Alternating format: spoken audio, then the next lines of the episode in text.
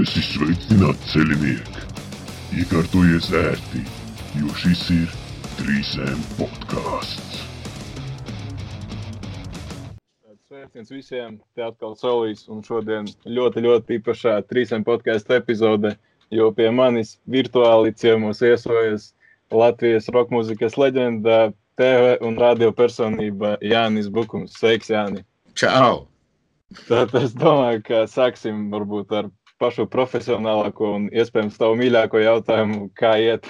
Nē, nu iet super. Zin, kā, no, no dienas uz dienu ar vien labāk un labāk. Tā. Nē, nu labi, labi, es, protams, sāktos, ka domāju, ka pa nopietnu tad sākam. Gribētos, protams, sākt ar komplimentiem un uzslavām sakarā ar, protams, radio raidījumu uh, roka nemieri. Un liela sveicieni, protams, arī Ērikam. Mēģināšu viņu kādreiz arī te dabūt. Bet es uzskatu, ka tāds raidījums ir ļoti vajadzīgs un bija jau ļoti sen vajadzīgs. Un jautājums ir tāds, eh, vai tu varbūt varētu atcerēties to brīdi, kurā nāca tā apgaismība veidot šo raidījumu un kā nonācāt līdz tam formātam? Zin, tas ir kopā, tas ir diezgan komplekss jautājums, jo Uh, nu, kaut kāds daudzus gadus atpakaļ man uh, likās, ka kaut kas īsti nav kārtībā. Ja? Ļoti, nu, kad es sāku runāt par riņķi publiski, ja, no nu, roku metāla kaut kas nav kārtībā, man cilvēki pārprata. Un ļoti, ļoti agresīvi uztvēra to domu, bļaujot, ka viss ir baigi kārtībā, viss kārtībā. Es nedomāju to burtiski, ka kaut kas būtu slikti. Mums ir fantastiski muzikanti, mums nāk iekšā lielie koncerti, veči ierakstās koncertē. Viss tas ir super, bet vienkārši mūsdienās, kad ir uh, viss mediju lauks, uh, uh, ir tik ārkārtīgi sadrumstalots. Līdz ar to arī visa muzika un visi muzikanti, nu, jebkuras aktivitātes, kas notiek rokā un metālā, viņas tā kā izmētāts ir pa dažādiem segmentiem. Mm -hmm. un, un, un, ja cilvēks no malas grib uzzināt, kas notiek, viņam ir šausmīgi grūti, viņam ir jāzina, kur meklēt. Un līdz ar to arī nu, sākām ar to, ka to pašu organizāciju, to asociāciju izveidojam Latvijas roka mūzikas uh, Un, uh, protams, ka ir vajadzīgi kaut kādi mēdīji, jo lielie mēdīji, kuri principā pelna klikšķus un kuriem vajag skandāls, ja, viņi jau tādas nopietnas ziņas, pie tam nu, nosacīti margināls, viņi jau negrib publicēt. Ja. Mm. Un līdz ar to nonācām līdz atziņai, ka vajadzētu kaut kāds mēdījis. Un tad tādu labu laiku atpakaļ uh, es apzvanīju pazīstams vīrus viņu un apjautājos, kā tur ir ar iespējām tam līdzīgi. Viņš teica, ka iespējas ir baigi švakās. Uh, Un tad notika brīnums kaut kādu tur vairāk nekā gadu atpakaļ. Dvarjonas Arts piezvanīja un teica, nu, vai tas ir viss spēkā. Varat pacelt raidījumu SVH rokā, ja varat, tad atsūti man pilotu, pateikšu in vai out. Mm -hmm. Un tad mēs arī salikām, jo es uzskatu, ka nu, tāds raidījums ir ļoti noderīgs tādēļ, ka uh, Tā ir stundiņa vienopus. Stāsts nav par to, vai uh, ir vienots stils, vai cilvēkiem tur viena dziesma patīk, otra nepatīk, vai liekas, ka mēs pa daudz muldam. Nu, tas nav svarīgi. Galvenais, ka ir tā stundiņa nedēļā, kur tu principā vari kaut kāds jaunums uzzināt vai apklausīties kaut kādos vecos, ko tu esi palaidis garām. Nu, tādā veidā. Jā, jā, super. Es tiešām piekrītu. Man liekas, ka tas tāds bezmazliet atdzīvināja arī to SVH rokas, e, tos kā viņu staciju, jo kādu brīdi viņa tāda pamirusi likās. Nu, viņai, cits kon, viņai cits koncepts. Viņa tā kā vairāk playlist stacija. Ja, un, un, un, un, un, un, un. Nu, tāds, tagad, tā, tādi laiki, tagad, ja, jo, piemēram, uzturēt kantori ar, ar cilvēkiem, tas gan nav reāli. Ja. Uh, nofinansēt to visu, kas katru dienu taisītu tur pa 5, 6 raidījumus, autoraidījumus. Ja. Nu jā, bet superīgi tas arī par jūsu raidījumu. Man personīgi arī visvairāk patīk, piemēram, tas jaunās grupas, ka es gandrīz katru raidījumu atklāju kaut kādu vienu, divas grupas, par kurām es vispār nesmu neko dzirdējis. Un tas, ka jūs arī tādā veidā popularizējat, tas ir tikai liels bonus arī grupām, es domāju. Jo, zini, es vienmēr esmu arī teicis, ja, kas uh, arī ļoti divdomīgi uztver sabiedrību to, bet kā uh, es zem roka, tīri personiski, ja, bet principā lielākoties pasaules arī es zem roka lieku apakšā visu vienkārši ar to vienu vārdu - roks ir vieglāk pateikt. Jo tiklīdz jā, jā. mēs sākam teikt, roks, smagais roks, metāls, smagais metāls un viss, cilvēki, kas nav iesvētīti šajā jomā, viņi domā, ka mēs runājam par ļoti daudz, pilnīgi dažādām lietām.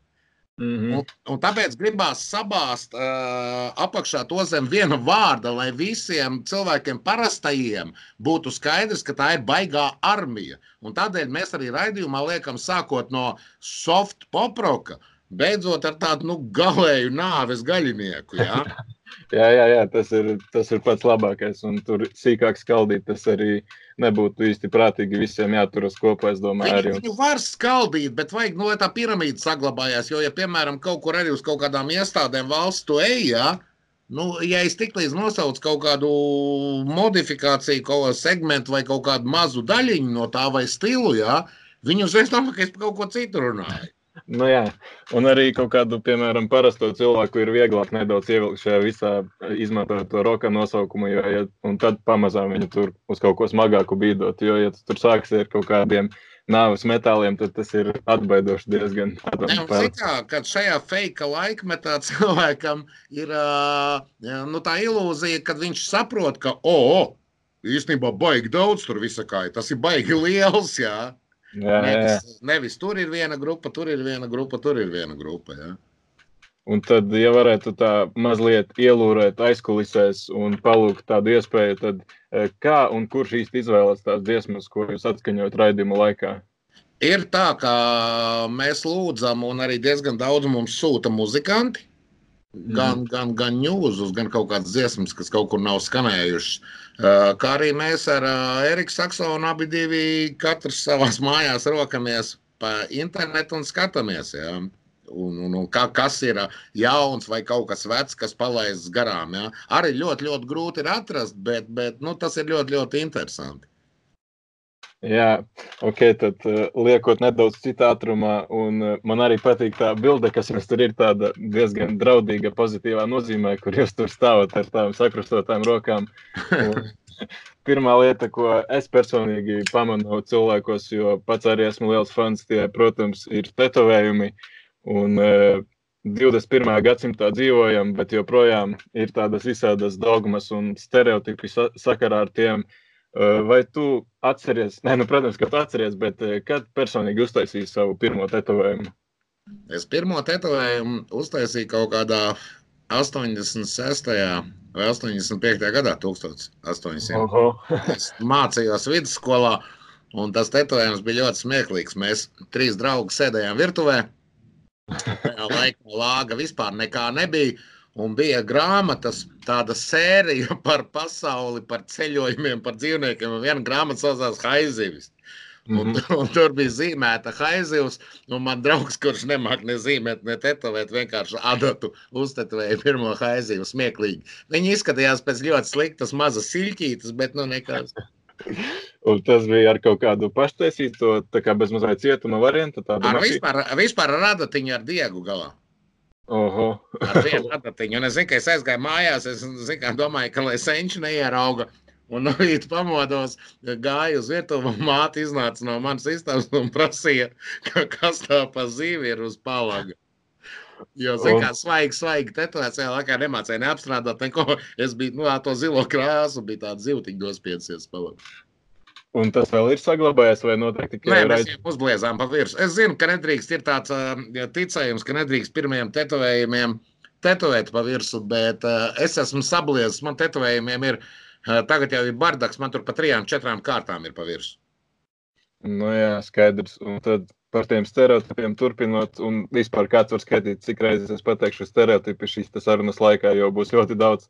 Bet uh, ir tās varbūt tās tādas trīs vietas, kuras, uz kurām skatās tā ar tādu neļaunu aci gluži, bet tā, nu, nezinu, kā pateikt, tā nepareizi varbūt tas noteikti būtu sejas tetovējumi, tad būtu kakla, un trešā vieta, man liekas, ka tie varētu būt tā kā uz pirkstiem vai uz dūrēm, un es e, redzu bildēs, ka arī tev e, viena vai abas dūres ir nozīmētas, tad gribēju uzprasīt, vai reāli dzīvē šie stereotipi strādā, un tev kaut kur kādreiz e, to tetovējumu dēļ uz rokām ir kādreiz kāds kaut ko liedzis, kādu iespēju vai kaut kas nav sanācis. Absolūti nekad. Es nekad neesmu dzirdējis uh, nevienu sliktu piezīmi. Uh, man nekad nav piesējušies ne pa auskariem, ne pa tetovējumiem. Vispār dzīvē nekad nav bijušas problēmas.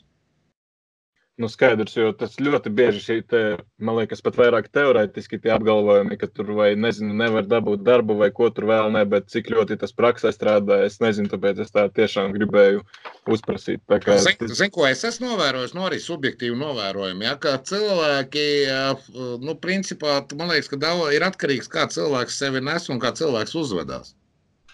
Arī fakts, jā, jā. jā. Jo es, es, es vienmēr esmu domājis par jaunajām meitenītēm, kurām ir vienīgie tetovējumi, piemēram, ir uz krūtīm, kas vidū ir modē, tagad virs pupiem. Jā? un, un, un, un, un arī uz pirkstiem, uz, uz plaukstām. Jā? Un citur nekur tetovējumi nav. Es vienmēr esmu domājis par tām meitenēm, jo uz viņām skatoties, tu redzi to, ka tā ir vai nu grāmatvede, vai ekonomikas augstskolā mācās, vai filologos. Jā? Un jā. man ir bijis iekšējais tāds jautājums, kāpēc viņas liek tos tetovējumus, ja pēc tam visu mūža garumā viņiem reāli tie tetovējumi traucēs. Nē, to es arī nezinu atbildēt šo jautājumu. Saprot, un, tā, un, tāpēc, un tā, tāpēc ir tas, kā tu teici, stereotips, jā, jo tās meitenes pēc gadiem, pieciem, desmit, viņas sūdzēsies, viņas dabūs ņemt no tos tetovējumus tam līdzīgi, jo viņas jutīs to diskrimināciju. Jo principā, ja tu ņem uh, meiteni, kas ar bērniem nodarbojās, jau viņai ir notetovēts krūtis un rokas, ja, tad uh, viņa savu pamatdarbu lāgu pat nevar izdarīt. Jo bērni mazie to tik vien darīs, kā prasīs, kas tas ir, nevis mācīsies.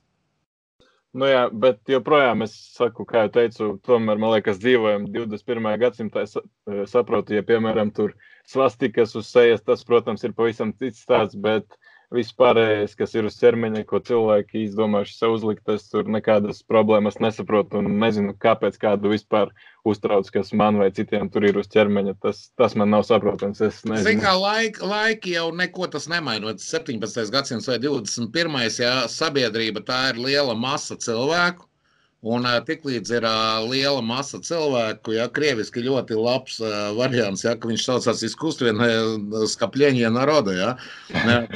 Tā brīdī individs zaudē savu to es, un sākās tā poļu psiholoģija saucamā. Un sabiedrībai tas ir ļoti, arī internetā tas ir redzams. Ja. Un attiecīgi tu kaut kā pat nepamani, ka tu pielāgojies kopējam viedoklim. A, kopējs viedoklis ir stereotipisks drēbes, stereotipisks uzvedības modeļi. Ja.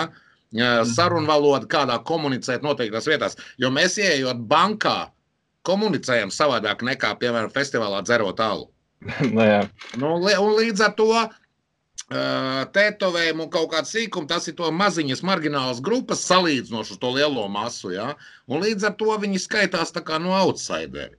Un tā vienmēr būs. Jo vienmēr, kaut 10, 20, 30 gadus atpakaļ, tas bija gari mati. Nu, jebkas, kas nav, ar ko nenodarbojas visa masa. Ja? Mm -hmm. Un tad, kā jau teici, ka tev tur iet jau vairākos slāņos, bez maz, vai, tad, vai tev ir kāds arī mākslinieks, pie kura tu tā regulāri to visu dari? Tā... Man ir pustetovējums taisījis tāds Latvijas leģendārs patriārhs tetovējumu Agris Krunkalns, kas bija oh. viens viens no pirmajiem tetovētājiem, ja, ka, kas īstenībā paņēma mūsu šefībā ar manu pirmo ģitāristu, jo teica, ka viņam riebjoties skatīties, ka Latvijā visi roka muzikanti ir pliki kā zuši. un, un, un, un tagad man ir uh, dzimtis uh, ločmelis, kurš šobrīd viņš ir Norvēģijā, viņš no aizkrauklis arī baigi, baigi krūts džeks ar baigi pareizu pasaules skatījumu, ja. Un man galvenais ir tetovētājiem, zin kā tetovēšanas līmenis ir ļoti augsts Latvijā. Mm -hmm. Mēs visu laiku apskaužam ārzemniekus un sakām, kā piemēram ārzemes, ja, bet tas viss ir bullshit, jo uh, mūsu tetovētāji ir uh, nenormāli augstā līmenī. Mūsu viduvējie tetovētāji ir uh, stipri augstākā līmenī nekā puse no ārzemju krūtajiem. Ja. Un man galvenais ir tetovētāji, lai man būtu dvēseles radinieks, lai man būtu pa kaifu tās stundas parunāties, Mm -hmm. Un, uh, lai mums abiem būtu vienāds skatījums uz dzīvi, ja es, man nepatīk, ka liek virsū kaut kādas autentiskas vai tuvu autentiskām lietām. Jo man ļoti es gribu citēt Agra Krunkaunu, kas man lika viens no pirmajiem tetovējumiem. Viņš teica, es tev nekad nelikšu kaut kāds autentiskos indiāņu tetovējums, jo es nezinu outputu tām vibrācijām, un es negribētu, ka tu naktī piecelies un noskalpē savu māti. Nu, jā, sveicieni, protams, agri man arī visa roka ir pārsvarā viņa zīmēta. Un, jā, agris ir krūts, jā. Uh, labi, tad par stereotipiem turpinot un virzoties atpakaļ pie mūzikas, tad uh, man ir tādi pieci, četri stereotipi par roku, par smago mūziku. Tad Es gribētu izmantot arī tavu pieredzi, un lai tu varbūt apgāztu to stereotipu, nu, vai varbūt apstiprinātu, nu, cerams, ka nē. Tad es pa vienam tev nolasu, un tad uh, tu saki, piekrīti, nepiekrīti, kāpēc. Tad uh, pirmais stereotips, uh, nu, smagā mūzikā tā jau ir tikai tāda fāze, tas pāries. Nu, es nepiekrītu. Es domāju, ka tas ir, tā, tā jau ir Nu, lai, tas ir viens no tiem paliekošajiem lielajiem stiliem. Es pat nemāku nosaukt. Tas ir no nopietnās mūzikas paveids. Jā. Tāpat kā džeks ir izrādījis savu caurumu, ir akadēmiskā mūzika, un uh, roka mūzika un smagā mūzika principā arī ir. Jo uh, viņa nekad nepazudīs, tāpēc ka tas ir kopums, kur vairāki cilvēki, eh, talantīgi, profesionāli mūziķi, kur ļoti labi pārvalda savus instrumentus, ja, spēlē salīdzinoši sarežģītu muziku. Ja. Un uh, viss, kas ir, uh, nu, kā lai saka, nu, īsts, uz emocijām balstīts un tā pašā laikā ar uh, augstu profesionālitāti, ja, viņš jau uz savā būtībā ir paliekošs. Jo laba mašīna, arī 74. gada mašīna tagad skaitās, wow, tā ir laba. Jā, es tieši nesen šo biju dzirdējis, ka kaut kas teica, ka labākie mūziķi ir džēzā un smagajā mm, mūzikā. Es, es piekrītu, un vienkārši, ja mēs runājam par kaut kādām mainstream modes tendencēm, ja, tad katrā desmitgadē nogriežās tāds vilnis, ja vienā desmitgadē tur uh, hipija mūzika atnāca, ja, tad pēc tam atnāca uh, disko, tad tur pēc tam jaunais vilnis, pēc tam tas, jā, un pēc tam atkal atgriežas roka mūzika. Tikai roka mūzika, protams, attīstās un modificējās, jā, kas mums tik nav bijis, jā. Tur no sākuma bija hard rock, tad bija hard and heavy, tad bija heavy metāls, tad bija trash metāls, desu metāls, new metāls, jā. Mm. Un, un tā kā, nu, viss vis, vis iet, bet principā tā ir spirālīta, un šitā ir ļoti, ļoti paliekoša, nu, nozare un muzikas stils. Ok, otrais stereotips iespējams tāds vislielākais. Eh, nu, visi tie metālisti un rockeri jau ir tikai satanisti. Jā, nu, tas ir pilnīgs bullshit. Nu, es, es, es, jā, pat uz to negribās pat atbildēt. Nu, jā. Man ļoti patīk, ka latvieši uh, paši izdomā teicienus un pēc tam aizmirst viņus. Ja? Piemēram, latviešiem ir tāds teiciens, nevērtē vīru pēc cepures. Ja? Mums ir tā, tu kaut ko ieraugi, un tev uzreiz ir viedoklis. Nu, internetā to ļoti labi var redzēt. Cilvēks pat nezina, pa ko ir stāsts, bet viņiem ir viedoklis. Ja? Tas mm -hmm. ir nu, tāds sātanists. Uh, Roka muzikanti un metāla muzikanti ir viena no izglītotākajiem, viena no inteliģentākajiem cilvēkiem mākslā, kurus es zinu. Un man ar viņiem vienmēr ir ļoti interesanti komunicēt, tāpēc ka 90% no viņiem ir ārkārtīgi liels vārdu krājums, uh, padziļināts zināšanas dažādās jomās. Ja? Nu, un ļoti, ļoti interesanta un bagāta valoda. Vienalga, vai latviešu, vai krievu, vai angļu. Ko es nevaru teikt par citu žanru pārstāvjiem. Tieši tā. Trešais, par ko mēs jau it kā daļai izrunājām arī pirmajā, bet nu, metālā un rokā tur jau nekādas prasmes nav vajadzīgas. Viņi jau tur tikai bļaustās un tur notisna haļau kaut kādas spēlē. Nu, jā, nu tas arī ir galīgi maldi. Jā, jo, jo, piemēram, klausīties tos tekstus, kad ai, viņi jau atspēlēja gammas, ģitāristi. Jā, tad es gribētu visiem šiem noliedzējiem un pļāpamaisiem teikt tādus vārdus. Pirmkārt, visa klasiskā muzika balstās uz gammu spēlēšanu. Bērni sāk muzikas skolā, un pēc tam visu mūžu spēlē gammas. Tie ir ārkārtīgi sarežģīti vingrinājumi, un kuri ir jāveic stundām ilgi. Roka mūzikā un metālā uh, instrumentālisti pavada nenormālas stundas un nenormālus gadus, uh, trenējot savu skilu, savu tehniku, izpratni. Uh, viņi sauga ar saviem instrumentiem. Viņi ir ļoti, ļoti, ļoti augstas raudas mākslinieki, kuri īstenībā uh, var diezgan viegli izpildīt e, pārējos visus žanrus. Nu, izņemot, es saku, no lielajiem, ir tie trīs vaļi, kā es uzskatu, roks, metāls viens, džeks un akadēmiskie. Ja? Pārējie, un principā no visām tām trijiem uh, žanriem, tiem, tās klases muzikanti var nospēlēt gandrīz visus pārējos žanrus, kas ir uz citiem. Nē, nē, nepiekrīt. Ļoti, ļoti augsts līmeņa muzikanti. Ļoti, ļoti. Ok, un tad pēdējais, ko tie ir tādi divi, kurus es apvienošu vienā. Nezinu, kad tas sākās, bet vispār arī filmās un tas metālistu un rockeru attēlojums, ka viņi tādi palielam tādi ne, negatīvi neveiksminieki pa dzīvē, kas nav neko sasnieguši un tā uz vietas tur kuļās un tikai klausās to savu mūziku. Bet to ir ievazājuši lielās valstis. Es arī pamanīju tādu tendenci, ja, jo, piemēram, manā jaunībā roka muzikanti vienmēr tika attēloti kā, nu, es nezinu, tā kā tādi teiksmu dievi, ja, nu, tādi tā kā, nu, čaļi, kas, ar ko visi grib draudzēties, kuri patīk visām meitenēm, ja, kur ir talantīgi, krūti, stipri, smuki un tam līdzīgi.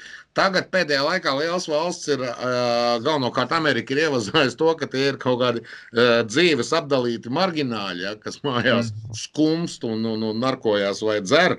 Nu, redneki principā, ja.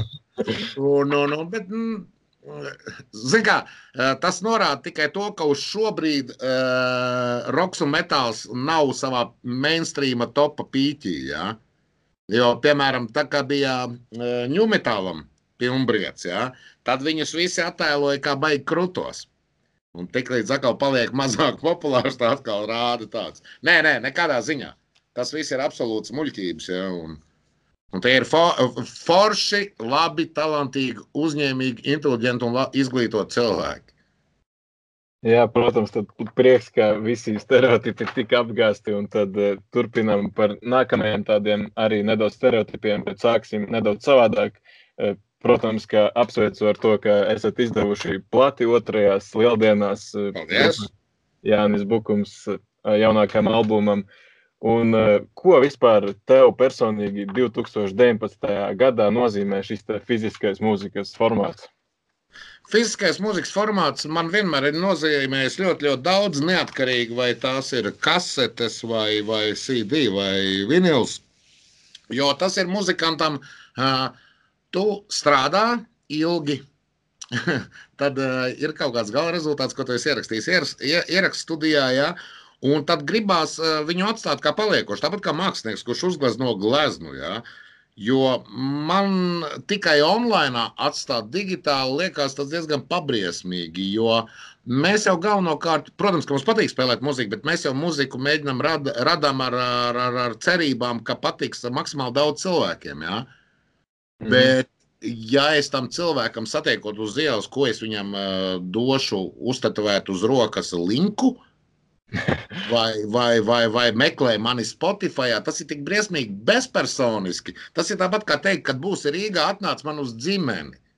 Un nepateikt ne datumu, neko un neuzlūgt. Ja? Nu, man liekas, ka tas tā, tu noiet tā ceļu. Man ir tagad, mēs pabeidzām albumu, ir CD, ir vinils, tas tā kā svītra novilkt, un mēs tagad jau taisam jaunu materiālu. Ja? Tas tā kā, nu, tā kā es saku māksliniekam, gleznas un glezna izstāde, un pēc tam viņš sāk šancēt pie cita koncepta. Ja. Mm -hmm.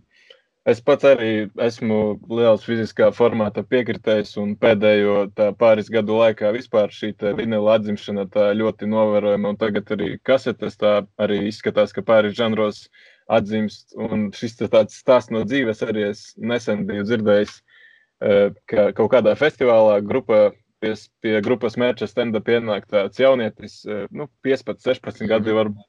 Un uh, viņš paņem uh, rokās disku, tā skatās un prasa, kas tas tāds ir. Un viņam saka, nu, tas ir disks, uh, ko ar viņu dara.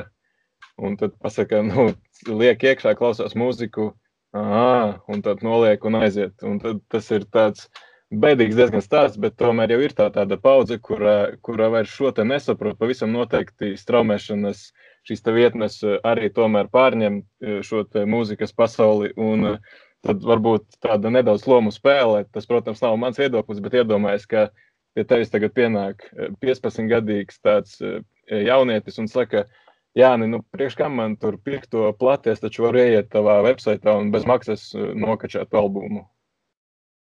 Nu, tur ir tas stāsts par, uh, nu, par lietām, kā lai cilvēks sev palutina. Saprot, tie, kas uh, grib uh, klausīties ļoti nekvalitīvu muziku, tie iet Spotify. Jo tas ir ātri, viegli, un tu tur tādu plakanu sakompresētu muziku dabū.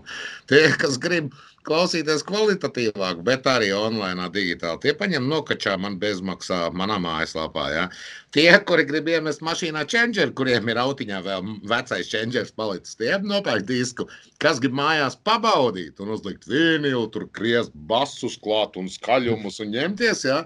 tie atkal nopērk vīnilu. Un es domāju, zin, kā brīvā pasaulē, brīva izvēle, katrs izdomā veidu, kā, nu, kā viņam vieglāk šobrīd to kā klausīties muziku komfortablāk un ko viņš no viņas sagaida vairāk.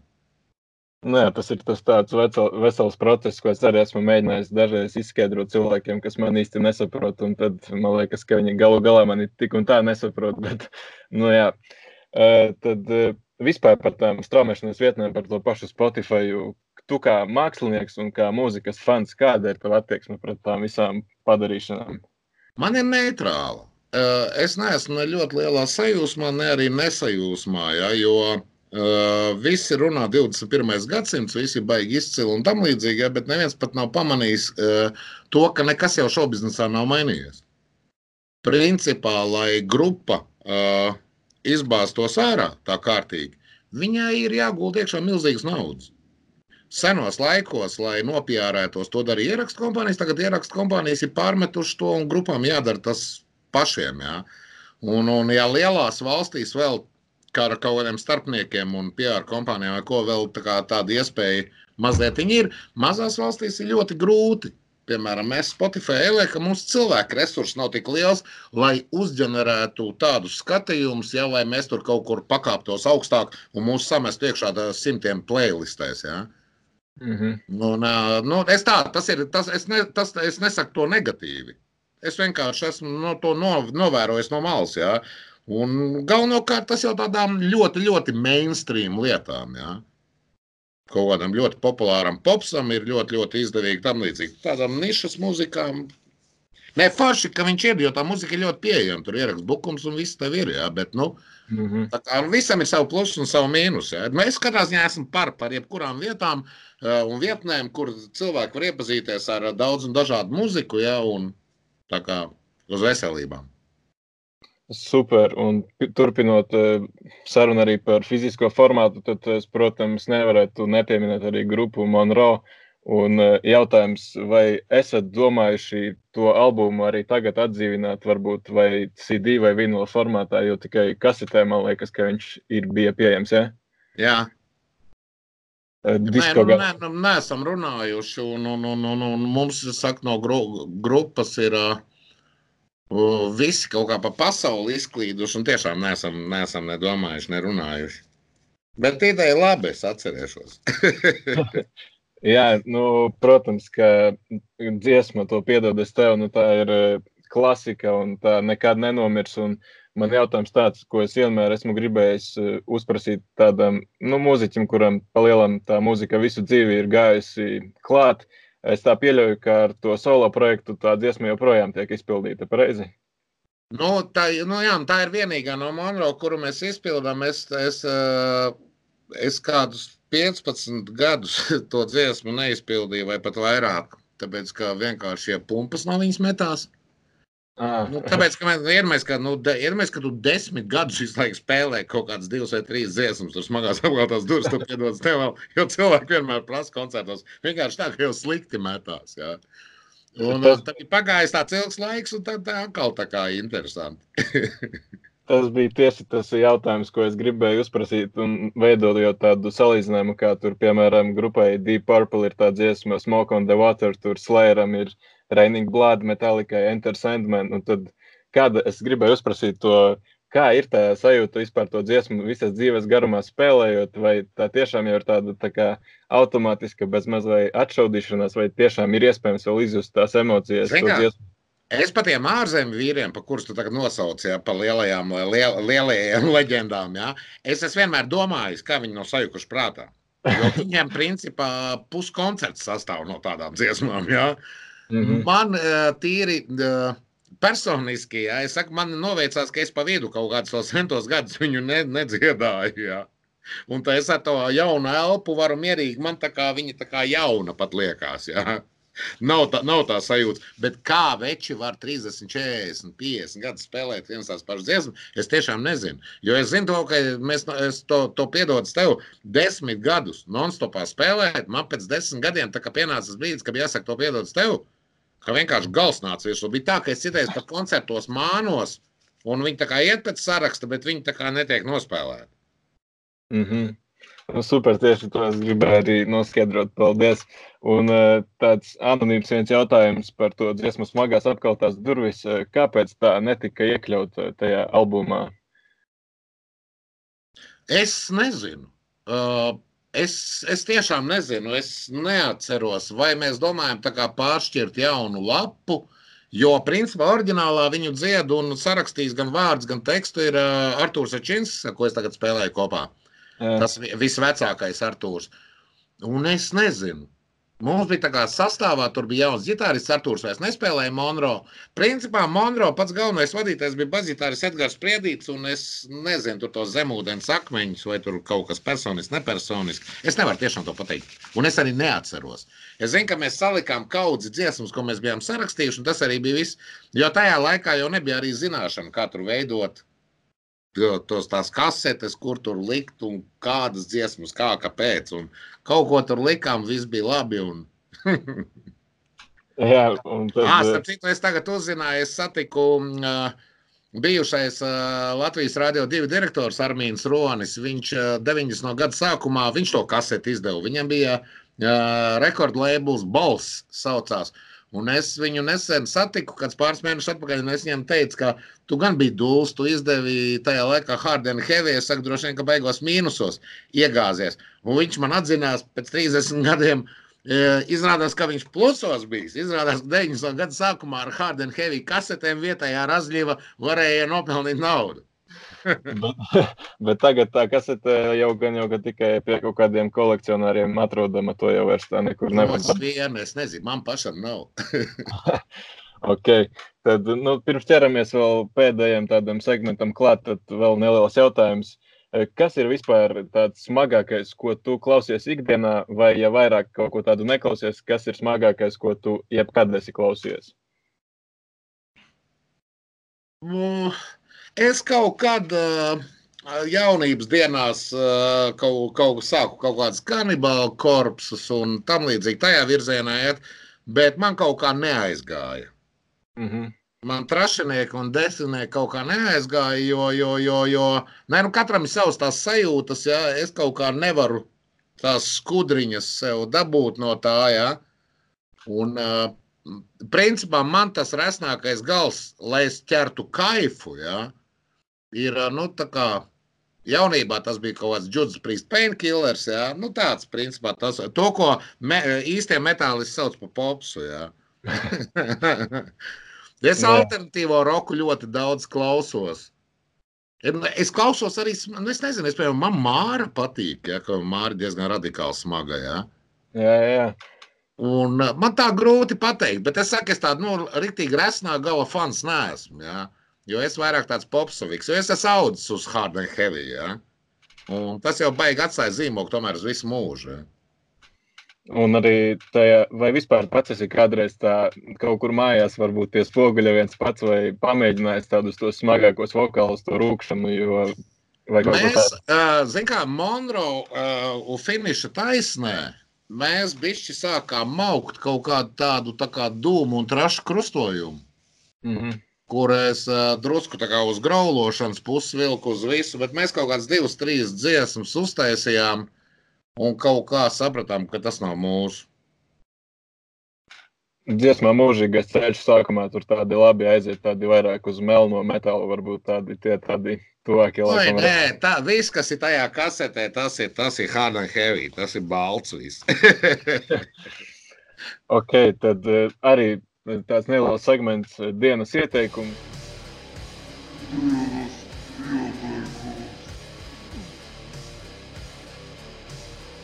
Un uh, varbūt, kā jau tikko pieminēju, ka klausies daudz alternatīvo roku un tādas lietas, varbūt vari ieteikt kādu dziesmu, albumu vai grupu, ko mums paklausīties. Tas var būt jebkāds ārzemju vai pašmāju vienalga. Vai man ļoti, nu, ir ļoti daudz. Es tagad citiem tā nepateikšu. Mums pagājušā raidījumā bija One May, kas nu, droši vien ir tā kā alternatīvais poproks vai kas. Jā. Nu, man jā. liekas ļoti, ļoti interesanti. Tāda Kārļa Steimaņa un Ritvara Šreiberga grupā uh, Giant Bride, kas mm. ir, uh, nu, man, man, man arī simpatizē. Māra, protams. Ne latvieši man vispār visi gandrīz patīk. 99%. Uh, no ārzemniekiem es nezinu, es tagad neko sevišķi jaunu neesmu klausījies. Nevar no ārzemniekiem neko ieteikt. Tagad. Nē, ok, ok, pietiks arī ar tām, ko nosaucāt. Tad es arī pievienošu video aprakstā cilvēkiem, kas nav dzirdējuši, var droši paklausīties. Uh, Un tad eh, tāds pēdējais ložmetēja rauns, tā saucamie ātrie jautājumi, tad tā ideja, protams, pēc iespējas mazāk domāt un atbildēt to, kas eh, pirmais eh, nāk prātā. Tad... Lamāties var? Pavisam noteikti, ka var, jā. okay, pirmais jautājums. Mīļākā latviešu filma? Opa! Nav! pēdējais koncerts, kurā bija, kuru apmeklēji? Mēlējā piekdienā, bet uh, gada balvu mēlējā piekdienā. Uh, kur ir jaunības noslēpums? Jaunībā. Uh, mīļākā vieta, kur svinēt Jāņus? Kur sagadās? Nē, nu Latvijā. Latvijā. Ok, tagad pabeidz teikumu uz tukuma pēc smukuma, pie bukuma pēc domuma. Latvijas pilsētā, kurā, uz kuru vienmēr ir gribējies aizbraukt, bet nu, nekad tā īsti arī nav sanācis. O, es esmu, man liekas, bijis visās Latvijas pilsētās. Ok, un tad... Ar koncertiem vēl kaut ko, bet man, man tādas vietas nav. Tas ir superīgi.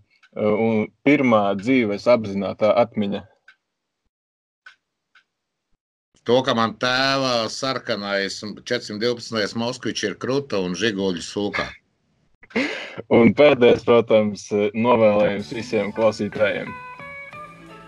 Mīļie un darbie klausītāji, klausieties vietējo roku metālu, atbalstiet, jo savējie ir Āfrikā savējie un mēs Latviju varam parādīt vēl arī šajā nozarē, tāpat kā visās citās, visai pasaulē. Jo visa pasaule ir slinka, bet mēs esam darbīgi, talantīgi, varoši un visādā ziņā baigi foršie.